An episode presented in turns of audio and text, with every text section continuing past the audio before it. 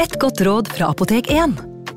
Nå er snart pollensesongen i gang, og et godt råd til deg som sliter med pollenallergi, er å begynne behandlingen i god tid før allergisesongen starter.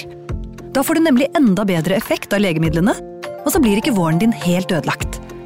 Kom innom og få råd på ditt nærmeste Apotek 1, eller chat med oss på apotek1.no.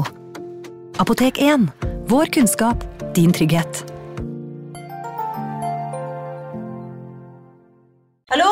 Jeg kommer fra Oslo politikammer. Ine Jansen er purk. Er du purk? The motherfucking bitch. Alt jeg vil, er å finne ut hva som skjedde med mannen min. Jon Carew. Er jeg sikta for noe? Iben Akeli. Det er du. Ole So, Lars Berrum og Big Daddy Karsten. Hvem sin side er du på, egentlig? Anette Hoff, Tone Danielsen, Kommer du fra Afrika? Jørnis Josef, Nesten. Kløfta. Trond Espen Seim, Det er synd å si det, men det var feil mann som døde. Purk. Premiere tirsdag på TV2 Play. Ungsamtalen fra DNB er økonomisk veiledning tilpasset deg som er ung. Bokk en ungsamtale på dnb.no. slash ung. Det er kjempebra hvis du skal inn på boligmarkedet, hvis det er drømmen din, liksom. Det er det du skulle sagt. Og så kunne du ropt litt mer, da, sånn som jeg gjorde. Bam! Åh,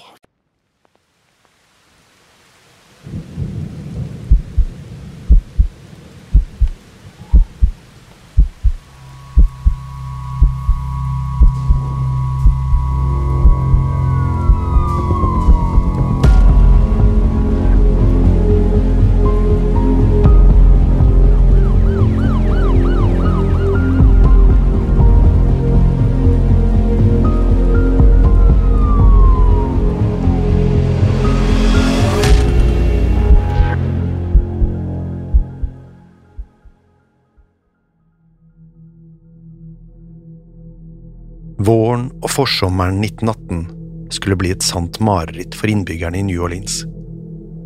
Etter at et ungt ektepar regelrett var blitt slaktet i sitt eget hjem, sto politiet uten et eneste spor i saken.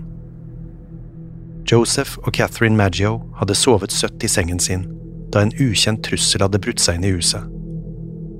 Da de ble funnet, i de små morgentimene den 23. mai, var det en ren massakre.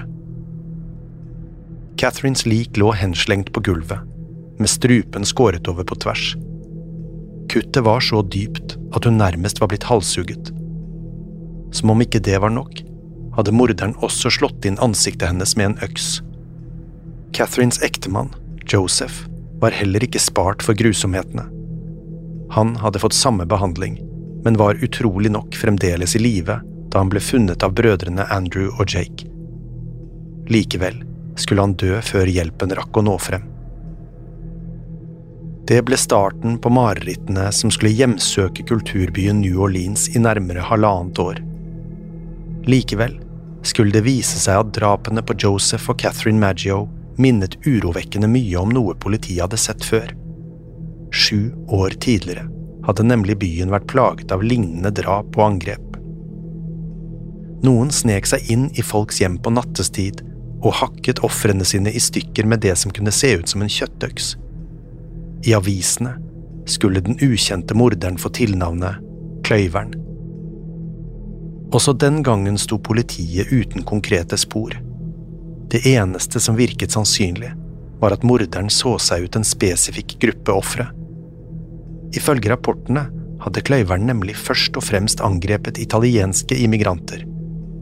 På grunn av en tilflyttingsbølge av italienere de siste årene var det mange amerikanskfødte arbeiderklassemenn som følte seg truet. Tidligere hadde de hatt fullstendig monopol på både jobb og boligmarkedet, men nå følte de at de italienske immigrantene var i ferd med å ta over. Det skulle få mange til å rase bak lukkede dører.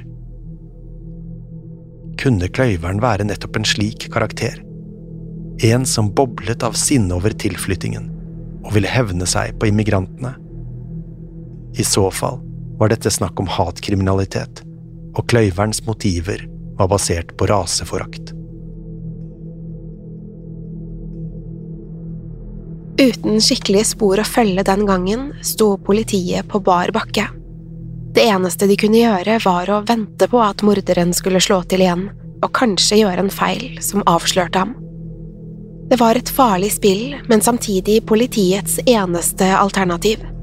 Dagene, ukene og månedene gikk, men ingen hørte mer fra den beryktede kløyveren. Snart vendte New Orleans' befolkning tilbake til sine vanlige liv, og historiene om den skjulte trusselen ble mer eller mindre glemt. Det var helt til syv år senere, da det plutselig så ut til at morderen hadde returnert. Selv om kløyverens foretrukne våpen hadde vært en kjøttøks, og ekteparet Maggio var blitt drept med en vedøks, var det utvilsomt likheter. Morderens modus operandi var det samme, og mange var overbevist om at kløyveren var tilbake. Nå var det bare et spørsmål om tid før han ville slå til igjen, og det neste angrepet skulle komme allerede den 27. juni 1918. Kjøpmannen Louis Bessemer og hans kjæreste Harriet Lowe skulle bli øksemannens neste ofre. De var også blitt angrepet i løpet av natten, men denne gangen skulle saken ta en ny vending. Da Harriet våknet opp på sykehuset, hadde hun en underlig og skremmende tilståelse. Hun mente nemlig at kjæresten hennes var en tysk spion, og at det var han som hadde angrepet henne. Bessumer ble straks arrestert og dømt for spionasje og drapsforsøk, men skulle frifinnes ni måneder senere på bevisets grunnlag. Dessuten skulle politiet snart innse at Bessemer ikke kunne være den beryktede øksemannen, for mens han satt inne, skulle morderen slå til igjen. Om kvelden den 5. august 1918 satt 28 år gamle Anna Schneider alene hjemme med hekletøyet sitt. Hun var gravid i åttende måned og likte på ingen måte å være alene i huset. Ektemannen hennes, Ed, pleide som regel å være der, men den kvelden jobbet han nattskiftet på havnen. Med det nye barnet rett rundt hjørnet trengte den lille familien alle de pengene de kunne få, og nattskiftet betalte godt. Da Anna til slutt bestemte seg for å legge seg, kravlet hun i seng og lå der, svett i den fuktige sommerluften. Lyden av Eds lave snorking pleide å vugge henne i søvn, men uten ektemannen ved siden av seg slet hun med å sovne. Anna lukket øynene og prøvde å tenke på noe annet, og snart skulle de svake lydene fra hennes egne hjerteslag gjøre henne søvnig. Til slutt skulle hun endelig flyte inn i drømmene om hvordan alt skulle bli når det lille barnet kom. Med ett bråvåknet Anna av lyder i rommet.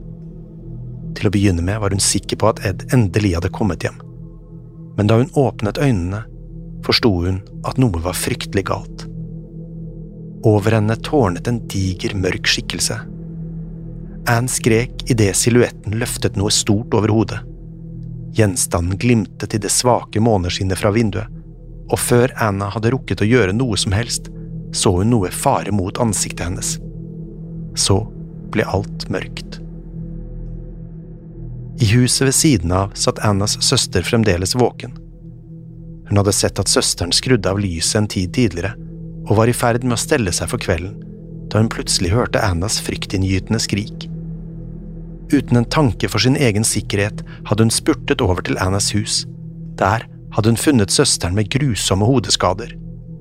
Skalpen hennes var nærmest delt på midten, og ansiktet hennes var tilgriset med blod. Annas søster kontaktet straks nødetatene, som fikk Anna til et sykehus. Hun skulle overleve angrepet, men var hardt skadet.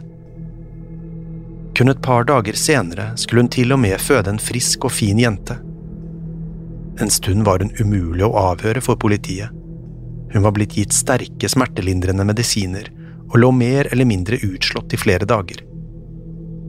Da hun endelig kom til seg selv og politiet troppet opp på sykehuset, var hun likevel ikke til mye hjelp. Hun husket lite av angrepet, utenom at hun hadde sett den digre skikkelsen over sengen.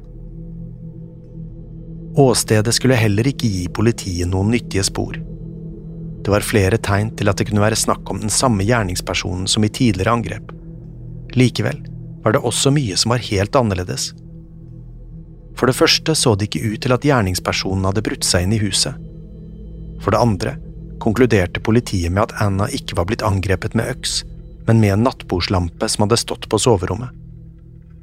Det siste som forvirret politiet, var offerets profil. Anna var verken italiensk immigrant eller medlem av handelsstanden, som så ut til å være kløyverens utvalgte ofre.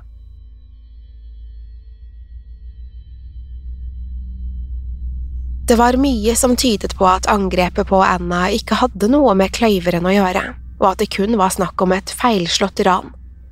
Til tross for det hadde pressen kastet seg over angrepet med det samme, og skrev side opp og side ned om den ukjente morderens involvering i saken. Denne gangen skulle den beryktede kløyveren likevel få et nytt navn. Fra det øyeblikket ble han omtalt som Øksemannen. Etter det virket det ikke som New Orleans befolkning brydde seg noe om hva politiet faktisk hadde funnet på åstedet. For dem var det ingen tvil. En seriemorder var på frifot, og etter angrepet på Anna Schneider var ingen trygge. Morderen kunne gå løs på hvem som helst, uansett hvor de kom fra eller hva de drev med. Det skulle sende byen inn i en kollektiv panikktilstand, og det skulle ikke bli noe bedre da den nå myteomspunne øksemannen krevde sitt neste offer.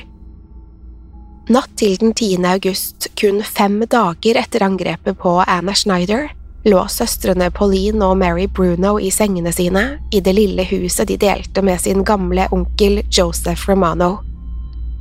Rundt klokken tre om natten våknet Pauline av lyder fra den andre siden av veggen hvor onkelen sov. Det var et voldsomt leven, og det hørtes ut som et slagsmål hadde brutt ut der inne. Med ett ble alt stille, og Pauline satte seg forsiktig opp i sengen. Hun stirret mot døråpningen i enden av rommet, og frøs til da hun fikk øye på en stor, mørk skikkelse. Det var utvilsomt en mann, diger og kraftig, og ikledd en svart dress. Pauline skrek til og ristet hardt i søsteren sin.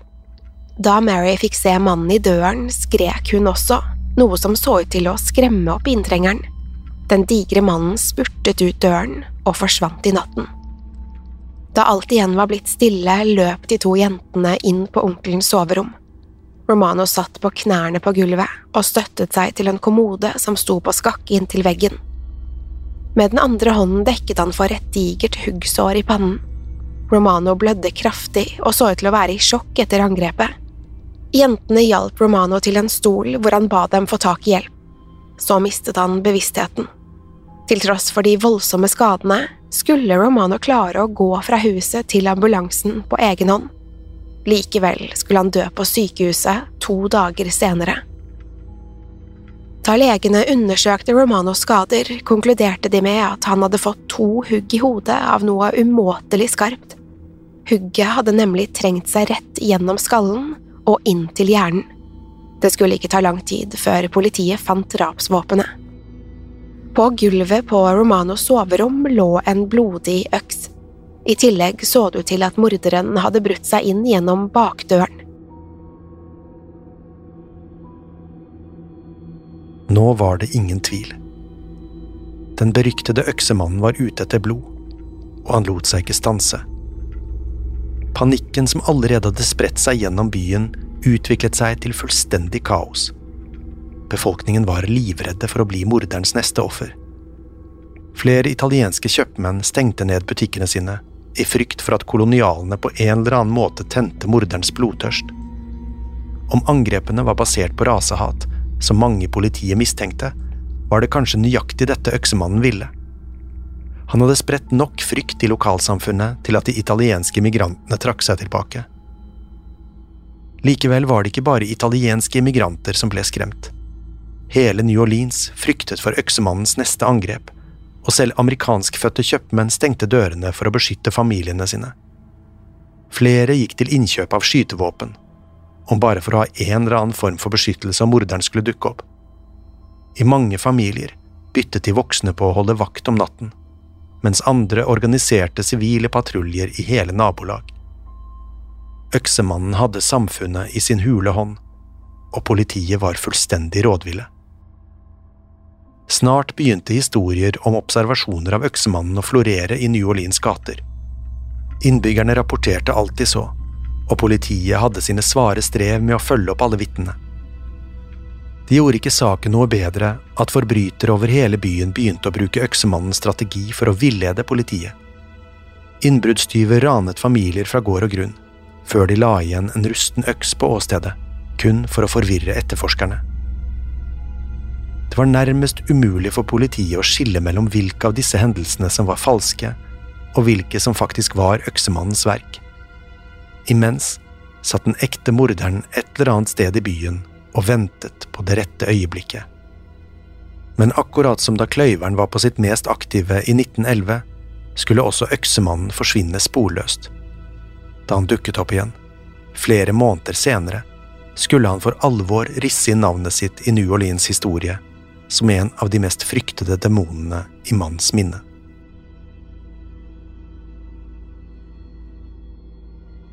Hva det egentlig var som fikk øksemannen til å ta en pause fra angrepene sine, var det ingen som riktig visste. Likevel skulle en rekke teorier legges frem. En ny trussel skylte over Amerika høsten 1918.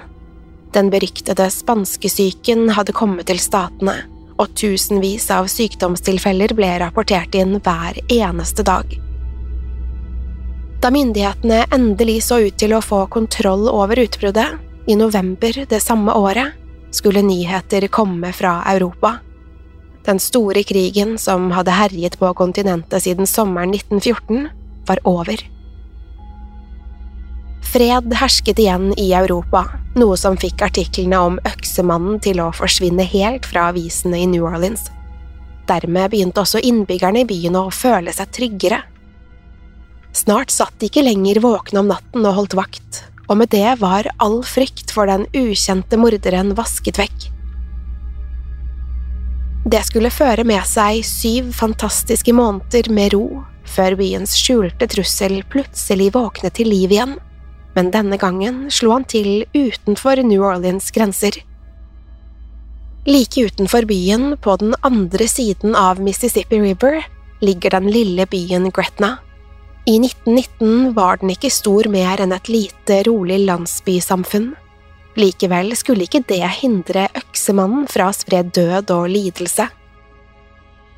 Grytidlig om morgenen den 10. mars lå kjøpmannen Yorlando Giordano og vred seg i sengen sin. Han hadde ikke fått sove noe særlig den natten, uten at han egentlig forsto hvorfor. Nå da hadde han drevet bort i en urolig drøm, men våknet igjen kort tid senere. Like før solen var i ferd med å titte opp over horisonten, var det som han endelig var i ferd med å sovne skikkelig, men bråvåknet av en kvinnes hjerteskjærende hyl.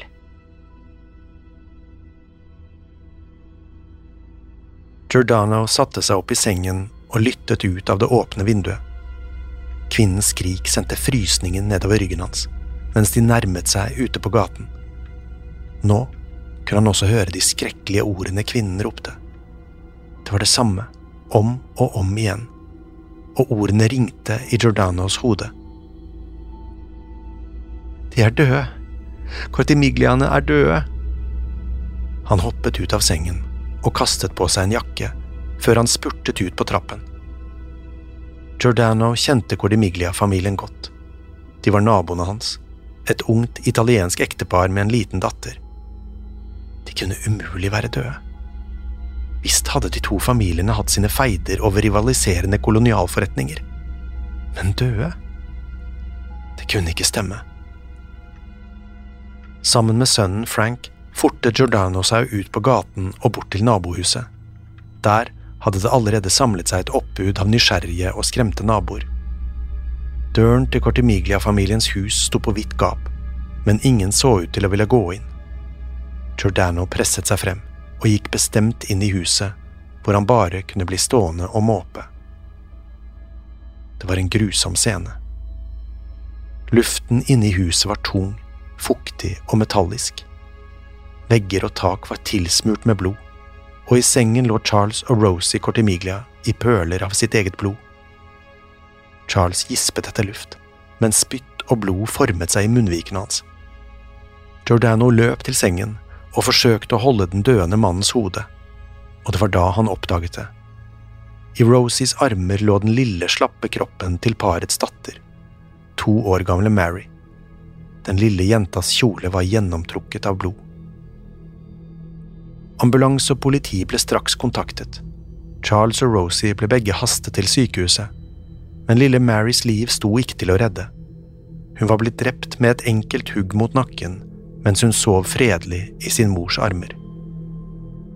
Charles og Rosie ble behandlet for alvorlige hodeskader og kraniebrudd.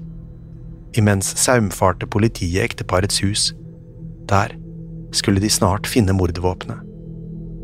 En øks lå henslengt utenfor familiens bakdør, fremdeles tilsmurt med blod og hår. For å forsikre seg om at dette ikke var enda et mislykket ran, undersøkte politiet familiens eiendeler, men skulle snart innse at ingenting var blitt stjålet. Hvem enn som hadde brutt seg inn i huset den natten, så var de kun kommet for én ting – blod.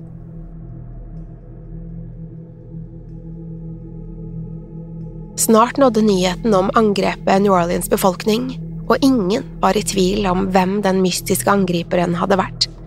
Øksemannen hadde krysset Mississippi River og myrdet et barn. Nå vokste frykten frem som sopp etter regnvær igjen. For første gang hadde morderen angrepet et barn. Ingen var skånet for hans nådeløse ondskap, selv ikke barna. Selv om politiet i New Orleans ikke hadde noe de skulle sagt i saken, tilbød de seg likevel å hjelpe Gretna-politiet om de trengte det. Til tross for det viste det seg snart at det ikke var noe New Orleans-politiet kunne gjøre. Før politiet hadde rukket frem til åstedet, hadde nemlig nysgjerrige skuelystne og naboer trampet ned hele huset og i prosessen kontaminert mulige beviser. Det spilte likevel ingen rolle for politiet i Gretna. De var nemlig overbeviste om at morderen var rett foran nesene deres. For dem fantes det kun to mistenkte, Charles og Rosies naboer, Orlando og Frank Giordano. Ifølge politiet pekte mye mot Giordano-familien. De var rivaliserende kjøpmenn, og alle var klar over at det hadde gått vonde ord mellom dem i lengre tid. Politiet var sikre i sin sak, og var klare til å arrestere Giordano og sønnen hans men først måtte Charles og Rosie få si sitt. Dessverre for politiet hadde ikke ekteparet sett angriperen. De hadde sovet under angrepet og husket ingenting. Det hindret likevel ikke politiet i å forsøke å presse dem til å peke fingeren mot Giordano, men uansett hvor mye de prøvde, kunne ikke ekteparet huske noe om angriperen. Samtidig, på den andre siden av elven, satt en morder som på ingen måte var fornøyd med at andre fikk skylden for hans verk. Som et svar til politiet i Gretna sendte øksemannen et brev til en av New Orleans største aviser. Den 14. mars 1919, fire dager etter angrepene på Cortimiglia-familien, dukket det merkelige brevet opp på kontorene til The Times Picayune. På baksiden, hvor det vanligvis ville stått en returadresse, var det kun skrevet Fra helvete.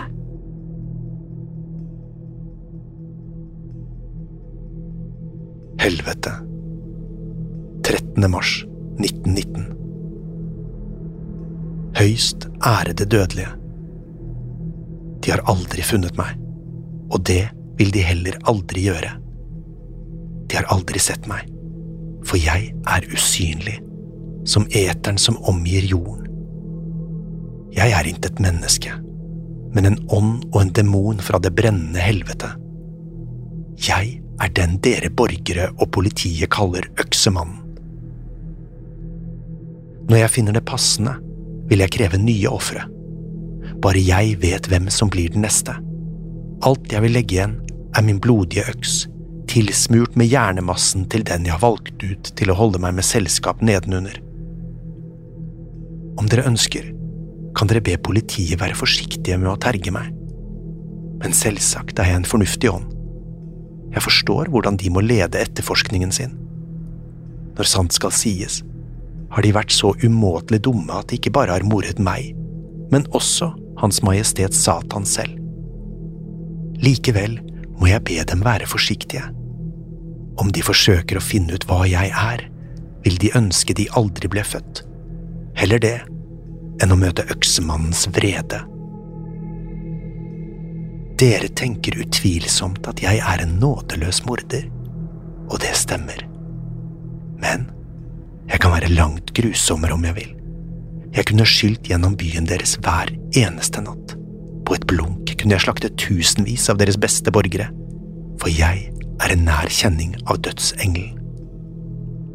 Nå til saken.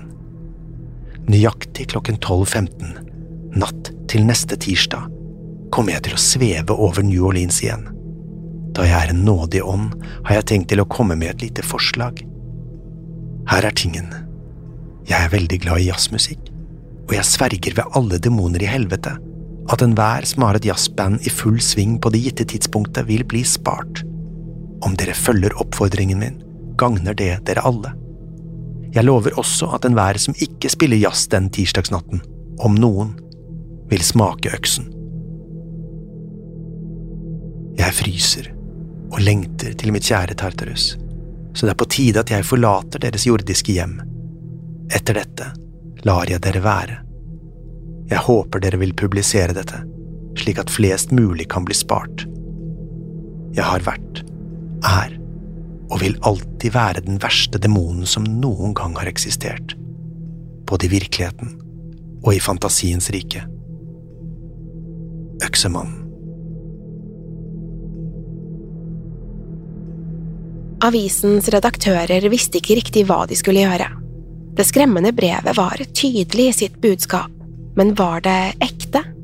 Satt de virkelig med den faktiske øksemannens ord i hendene, eller var dette bare enda en dårlig spøk, et forsøk på å skremme opp innbyggerne ytterligere? Det var et umulig valg. Skulle de publisere brevet eller ikke? På den ene siden kunne det skape kaos i byen for ingenting. På den andre ville de kanskje spare menneskeliv om folk ble advart. Redaktørene skulle diskutere saken i hele to dager før de endelig bestemte seg. Den 16. mars sto brevet på trykk. Mottakelsen blant befolkningen var delt. Noen tok brevet på full alvor og var livredde for hva som kunne skje den tirsdagen. Andre ignorerte det fullstendig og tok det heller som et forsøk på humor. Å tvinge en hel by til å spille jazzmusikk gjennom natten var absurd. Tirsdagen nærmet seg med stormskritt, og New Orleans befolkning visste ikke riktig hva de skulle gjøre. Skulle de gi etter for den ukjente morderens forespørsel, eller var alt bare fleip og skremselstaktikk? Skyggen av øksemannen vokste seg større over byen for hver dag som gikk, og var i ferd med å tvinge hele befolkningen inn i en svingdans for å redde sine egne liv.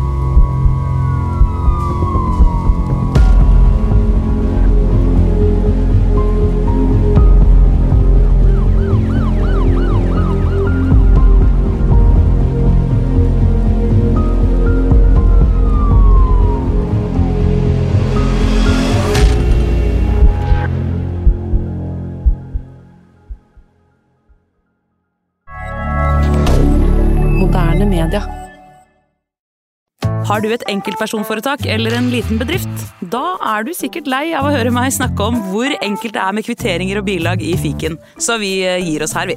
Fordi vi liker enkelt. Fiken superenkelt regnskap. Hei! Takk for at du lytter til True Crime Podden. Skulle du ønske at du kunne høre en ny episode av denne podkasten hver eneste uke? Vel, da er det bare å laste ned podkastappen Untold med en gang. I tillegg til ukentlige episoder av podkaster som Skrekkpodden, Synderne og Henrettelsespodden, får du masse annet reklamefritt og eksklusivt innhold. Last ned Untold i AppStore eller Google Play, og start din 30 dagers prøveperiode i dag.